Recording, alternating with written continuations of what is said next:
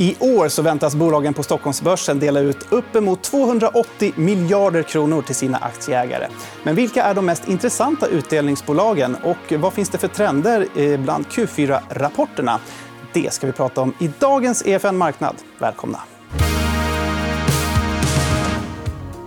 Vi välkomnar också dagens gäst Jonas Olavi. Du är eh, allokeringschef och fondförvaltare på den finansiella sparplattformen Alpcot. Stämmer bra. Du, I dagens program så ska vi sammanfatta årets större utdelningar från bolagen på Stockholmsbörsen. Men innan vi går in på det så tänkte jag att vi ska kika lite på rapportfloden som vi har varit inne i ett tag nu, mm. på sluttampen. Där, kanske. Mm. Vad är ditt intryck av bolagets fjärde, eh, fjärde kvartal? Om jag tittar globalt sett, om vi börjar där, då, så märker vi ju att rapporterna blir svagare och svagare. Och Eh, det är framför allt på vinsterna som eh, vi ser att de börjar få tufft med marginalpress. Ehm, det tar tid för de flesta bolag att föra kostnader vidare. Och vi ser också att ehm, försäljningsökningarna blir mindre och mindre. Det är fortfarande ökningar på de flesta marknader. Så därmed sagt då att vi börjar se tecken på att det är tuffare tider på grund av att konsumenterna blir klämda av eh, dels högre räntor och dels högre inflation. Mm. Eh, generellt så kan man säga att de bolag som ligger närmare konsumenten, som säljer direkt till konsumenter, de har det betydligt tuffare. och Det är där vi har sett en del vinstvarningar tidigare. De har också gått eh, väldigt svagt under vinterhalvåret. Eh, medan då bolag som um, inte har liksom en, en privat kund som, som slutkonsument har klarat sig betydligt bättre. Jag tänker på bolag som Sandvik som lever i en gruvcykel som är något annat än en vanlig konjunkturcykel som bestäms mer av penningpolitik. Just det. Kan du ge något exempel på bolag som är mot konsumenten mer? Ta ett bolag som Mips, till exempel. Ehm, som sysslar med? Hjälmar. Då. Ehm, du har Thule, där vi också ser en press där konsumenten kanske inte köper lika mycket. Man, man klädde bilen med Thule-prylar i samband med pandemin. Och, eh, ja, nu har man takräcke så behöver inte köpa fler. Eh, och då går ju orderingången ner för den typen av bolag. Då. Mm. Så att ju närmare konsumenten, desto tuffare. Detaljhandel generellt, och klädindustrin, H&M har det kämpigt. Eh, läser vi om varje dag i princip. Mm. Kontra ett bolag som kanske New Wave som också säljer till slutkonsumenten men som råkar ligga i lite mer rätt segment. Vi vill sporta och ta hand om oss. och Då har deras utbud och produkter lite bättre avnämnare. Det tar lite längre tid innan den trenden faller, förefaller det som. Just det. Många mindre bolagsaktier eh, tappade ju rejält förra året. Mm. Eh, bland annat på grund av sämre likviditet, sämre ägarbas, högre operationell risk och sånt där. Hur ser du, hur ser du på små versus stora bolag under 2023?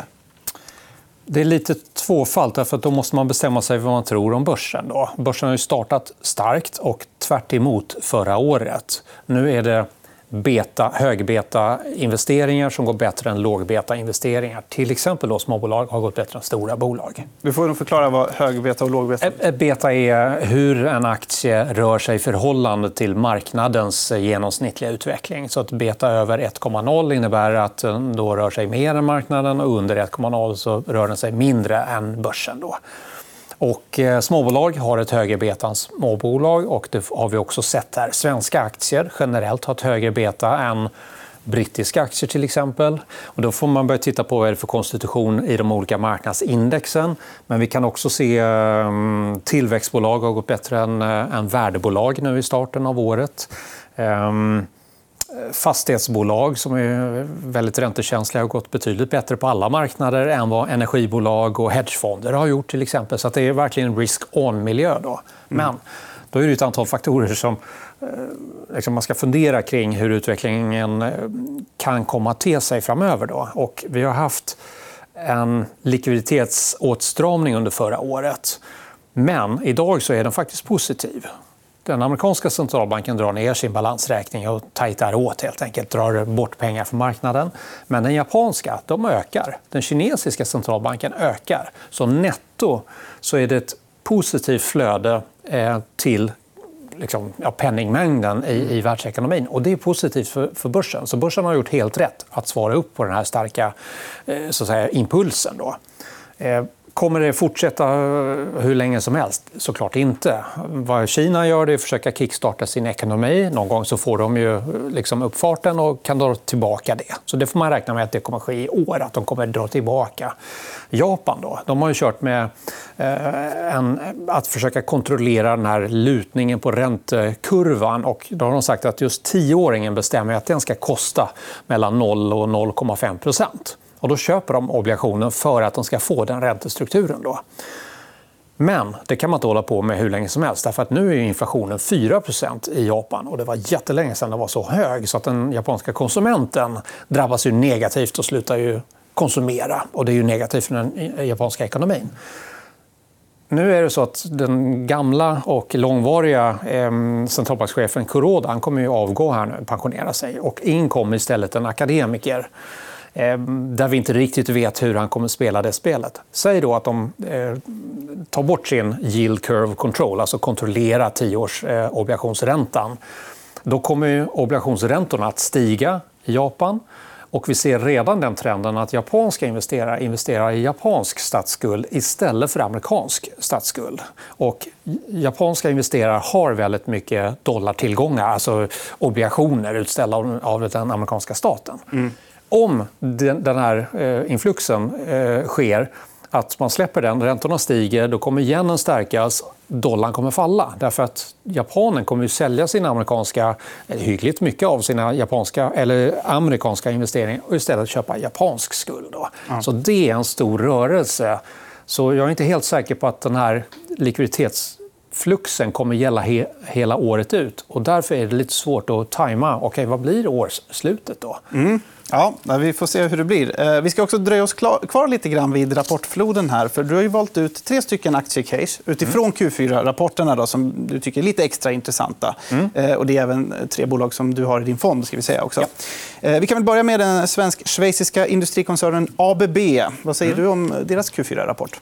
Jag tyckte det var en bra rapport och en bra guidning. Den var bättre än väntat rent generellt. Och man ser en viss påverkan av leveransstörningar. Och det flaggar de också för att det kommer normaliseras vilket då översatt eh, till våra termer så att vi begriper det, ja, förmodligen så kanske orderingången kan komma ner lite grann. Och mm. Den låg ju under, alltså under omsättningen nätt och jämnt. Då. Eh, men jag tror inte det är så stor fara med det. Då. De är fortfarande optimistiska om framtiden. De ligger helt rätt i eh, cykeln om eh, energiomställningen. Det är ju världsledande i det de gör.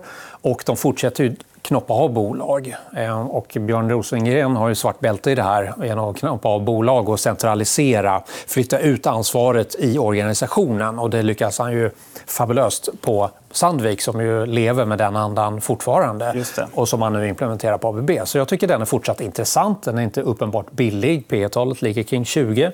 Men eh, de växer i, i år, prognosmässigt, så kommer de växa med nästan 30% på vinsten. Så jag tycker den har sin plats i, en, en, i alla fall en global portfölj. Mm.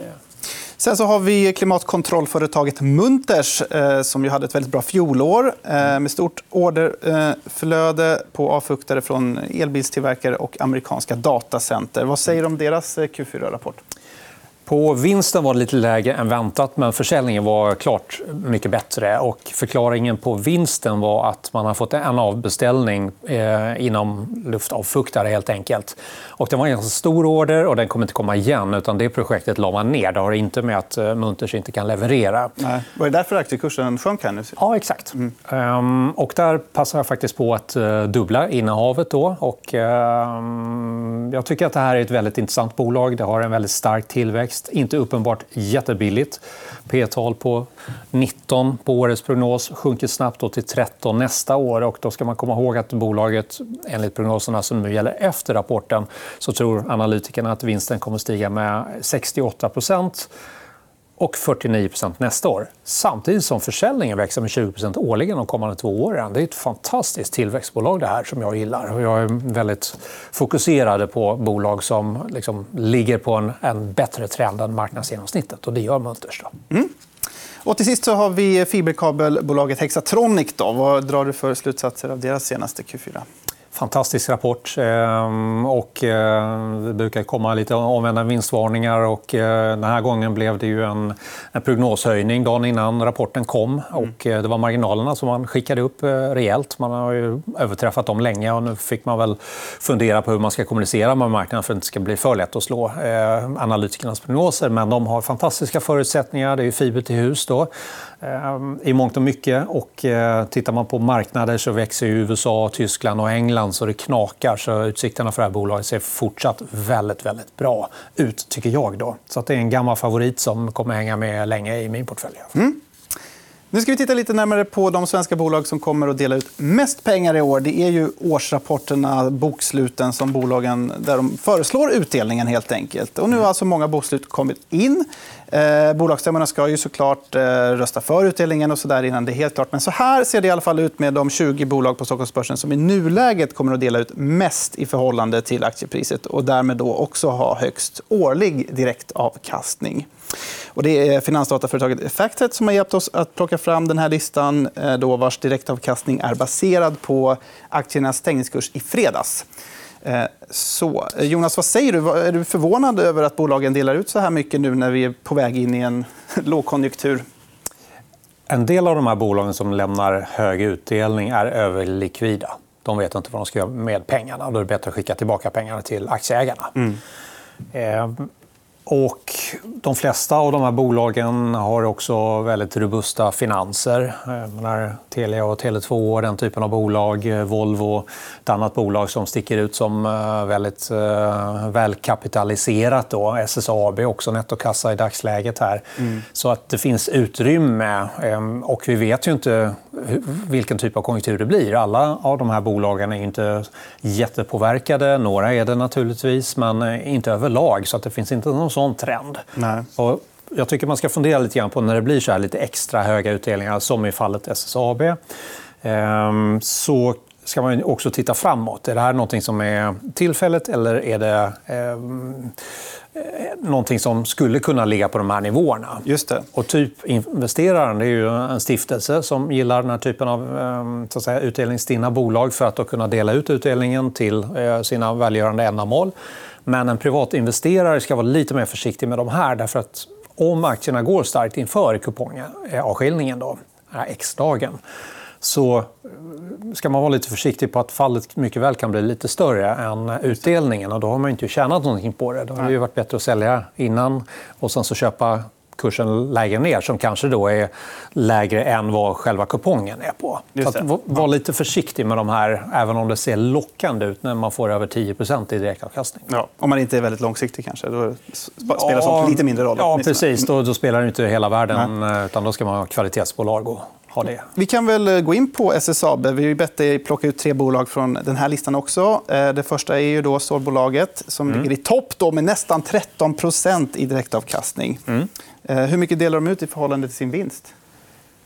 Ehm, ja, de, alltså, direkt, de har ju en utdelningspolicy som jag inte kommer ihåg eh, siffran i huvudet hur stor del de ska dela ut. Men det här är ju extrautdelning helt enkelt som gör att de kommer upp på de här höga nivåerna. Vad beror det på? Då? De har ett väldigt starkt kassaflöde. Mm. De, är, de har nettokassa. Och, eh, de tyckte väl att eh, ja, vi har tillräckligt för att funda bolaget eh, de närmaste åren framöver. Tittar man lite längre fram, då, nästkommande år, så ligger utdelningsprognosen på 5% och 4% året därpå. Så det här är en tillfällig utdelning. Då. De kommer inte toppa den här listan i flera år framåt? Här då? Jag tror inte det. Sen guidar man ju för att vissa delar i deras efterfrågesegment har en väldigt stark efterfrågan. Så kassaflödet kan nog vara bra ett tag till. Men att det ska vara ytterligare ett starkt år är jag lite mer tveksam till. Och skulle jag bara köpa bolag på ett nyckeltal så tycker jag inte att det ser så attraktivt ut. Det är relativt dyrt och eh, vinst och, eh, och försäljning eh, faller de kommande åren. Då. Så att, eh, nej, då får man vara längre och tro mer kanske på det här hybridprojektet. Att man tror att det är den stora grejen för eh, SSAB. Just det. Eh, sen har du valt eh, banken Nordea eh, som med den föreslagna utdelningen har en direktavkastning på över 7 mm. säger du om Nordea? Ja, men de ligger och taktar på en hög utdelning. och Det är väl för att kursen är så pass låg eh, generellt sett. Och det kan ju bero på att man inte tycker att en oligopolbank ska värderas på högre multiplar. Men nordiska banker är högre värderade än till exempel europeiska banker. Och samtliga nordiska banker ligger på price book, alltså eh, priset i förhållande till bokfört värde, på över 1,0. Ehm, men europeiska banker får det för halva priset. Det är 50 rabatt. Och, eh, ibland kan utdelningarna vara minst lika goda på europeiska aktier. så att Det är inte helt givet att man ska köpa svenska. Men Nordea eh, levererar en väldigt bra rapport, tycker jag. Men man ska också komma ihåg att provisionsnettot är ju det som räddar eh, så att säga, resultatet. Eh, Provisionsnet, eller förlåt, Räntenettot är det som är kraftigt upp. Provisionsnettot var li lite mjukare. skulle jag säga. Och det är det som banken ska vara duktig på. Mm. Så leverera eh, attraktiva produkter som deras kunder ska köpa och sälja. Och sen ser vi också att eh, fastighetsmarknaden sätter sitt avtryck kanske primärt då, genom att folk är mindre intresserade av att belåna sig till höga räntor genom att köpa ett ny, nytt boende. till exempel. Ja, I veckan kom nyheten att Nordea även höjer sin listränta på rörliga bolån till över 5 mm. Så att, och de andra bankerna kanske hänger på där? Ja, absolut. Men de är väldigt robusta. De ligger starkare på eh, så att säga, de nyckeltal som är viktiga för bankerna att hålla. Det vill säga att likviditeten eh, på olika sätt räknat är mer robusta i de svenska eller nordiska bankerna eh, än vad de är i Europa. Så det är också en skillnad till det här med att prisbok är lägre då i, ute i kontinentaleuropa än vad det är i Norden. Så att, eh, med den här situationen, den här marknaden, så tycker jag att Nordea var väl den som jag skulle köpa idag om jag skulle välja en av fyra banker igen. Då. Just det. Ja. Eh, vi ska avsluta för, med sista bolaget som du har valt, vilket är Volvo. Mm. Som bland annat tillverkar lastbilar och bussar. Styrelsen mm. har föreslagit en utdelning på drygt 28 miljarder kronor till ägarna vilket motsvarar då en årlig direktavkastning på 6,8 procent. Mm. Vad säger du om Volvo? Det är också ett bolag som um, dels väldigt, har väldigt mycket likvida eh, medel. De har ju mer kassa än vad de har skuld. Och, eh, rapporten i sig då, den visar ju en lägre vinst orderingång då, än vad man kanske ville hoppas på. Men det här ligger ju i deras eh, makt att eh, hantera. Därför att om, eh, först hade du inte chip så att du kunde skruva ihop lastbilarna. Och då blev det orderböcker som svällde över. Samtidigt så fortsätter ju kostnadsinflationen gå upp. och eh, Har kunden köpt eh, en lastbil för X pengar eh, men får vänta tre månader, ja, då kanske komponenterna som ytterligare måste in i lastbilen innan den är klar har gått upp. och Det minskar ju marginalerna för, för Volvo. Så det här är ju lite ett spel då, att försöka försvara marginalerna, hålla tillbaka orderingången. helt enkelt. Så Det är helt i deras makt. Men de förändrar inte prognoserna för helåret. Och sen var det någon av de amerikanska som jag såg guidade upp då för den amerikanska lastbilsförsäljningen ehm, för 2023. Och det är någonting som även då gynnar Volvo, om de, nu, om de nu håller med om det. För det är ju, man hoppas ju såklart att det är deras lastbilar som kommer att säljas på den amerikanska marknaden också. Just det. Men trots den här utdelningen så kommer ändå Volvo ha kvar en nettokassa på 45 miljarder kronor. Mm. Är det dumt att ha så mycket pengar på ett bankkonto när inflationen är så pass hög? Det beror på vad de kan få i ränta på sin kassa. Då. Eh, och de har ju en likviditetsförvaltning, då, en cash mm. management. Men det här är ett bolag som nu ligger i en ganska stor omställning att eh, elektrifiera hela mm, flottan. Jag skulle gissa, utan att vara expert på hur man bygger lastbilar, att det kommer nog behövas lite pengar för den omställningen. Samtidigt ska du ju leverera service och eh, liksom efterprodukter till eh, bensin och dieselvarianterna också. Så att, dela inte ut för mycket. Men nu blir det en extrautdelning, då, vilket låg ganska nära där marknaden hade hoppats. Då, så 7 plus 7 kronor. Då. Mm. Och här kan man nog räkna räkna med fortsatt ganska generösa utdelningar även kommande år. Då. Ja. Det får bli slutorden i dagens program om rapportfloden och eh, stor, eh, årets stora aktieutdelningar. Jonas Olavi, eh, allokeringschef och fondförvaltare på Alpcot. Stort tack för att du kom hit idag. Tack. Och stort tack för dig som har tittat här på EFN Marknad. Tycker du om programmet, gå gärna in på Youtube och eh, följ kanalen där. Ge också en tumme upp. Vi ses igen på fredag. Ha det gott till dess. Hej då. Du har lyssnat på EFN Marknad, en podd av EFN Ekonomikanalen. Mer om ekonomi och aktier finns på efn.se.